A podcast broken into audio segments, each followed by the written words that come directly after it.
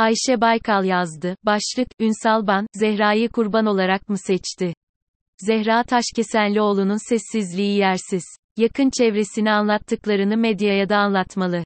Velev ki Zehra iftiraya uğradı, insanların açıklama duymaya ihtiyacı var. AK Parti Erzurum Milletvekili Zehra Taşkesenlioğlu'nun, eşi Ünsal Ban'dan boşanmak istemesiyle gündeme gelen bir takım iddialar var, iddiaları ortaya atan Ünsal Ban. Zehra ise bir açıklama dışında sessizliğini koruyor. Sessizlik talebinin AK Parti tarafından talep edildiğini öğrenmekle birlikte çok yersiz bir karar olduğunu düşünüyorum.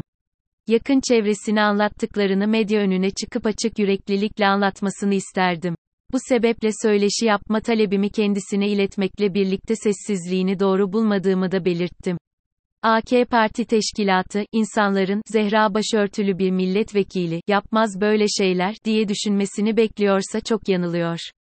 Zira iddialar çok ciddi. Velev ki, Zehra masum ve sadece boşanmak istediği için ban tarafından iftiraya uğradı, çamur at izi kalsın. Mantığıyla zor durumda bırakıldı, bu durumda da insanların bir açıklama duymaya ihtiyacı var, üstüne banın gözaltına alınması ve tweet yasağı konulması gibi olaylar, durumu daha karmaşık hale getirdi. Gelelim iddialarla ilgili Zehra'nın yakın çevresini anlattıklarına. Zehra ortaya atılan tüm iddiaların gerçeği yansıtmadığını ve araştırıldığında ortaya çıkacağını, sırf boşanmak istediği için bunları yaşadığını ve Ban'ın fiziken olmasa da psikolojik olarak kendisini ve ailesini katlettiğini, Ban'ın kendisinden boşanması durumunda, seni ve aileni mahvederim, tehdidini adım adım gerçekleştirdiğini, Ban'ın AK Parti'den nefret ettiğini ve boşanma sebebiyle hem kendisinden hem de AK Parti'den intikam aldığını, Ban'ın evlilikleri boyunca Zehra'yı bir garantör olarak gördüğünü ve hakkındaki dosyaları kendisinden sakladığını, evliliklerinin en başından beri bir plan çerçevesinde olduğunu tanıştırılmaları dahil kendisinin bu planda kurban seçildiğini söylüyor. Zehra, medyada sıkça konuşulan 2,5 milyon dolar, danışman maaşına çökme ve lüksiyat olaylarının da Ünsal Ban tarafından medyaya taraflı olarak servis edildiğini söylüyor. Olayların aslını ise yakın çevresine şu şekilde izah ediyor, evliliklerinde eşine verdiği 2,5 milyon doları nereden bulduğu iddiasını, 2,5 milyon doların o günkü kurdan hesap edildiğinde çok yüksek bir rakam olmadığını, milletvekili olmadan önce ticaret hayatının olduğunu ve eşinin de paranın kaynağını bildiğini fakat bunu kasıtlı olarak sakladığını söyleyerek cevaplandırıyor. Özellikle bu konuda kamuoyuna veremeyecek bir cevabının olmadığını söylüyor. Danışman maaşına çökme, manşetiyle haber yapılan olay ile ilgili iddiaya, evlendiklerinde Ünsal Ban'ın, kendisine iki ayrı şoföre gerek olmadığını, Ban'ın şoförünün ikisine de yeterli olacağını, söylediği ve şoförünü kadroya aldırdığını fakat sonrasında Zehra'nın şoförün davranışlarından şüphelendiği ve rahatsız olduğu için iş akdine son verdiğini belirtiyor.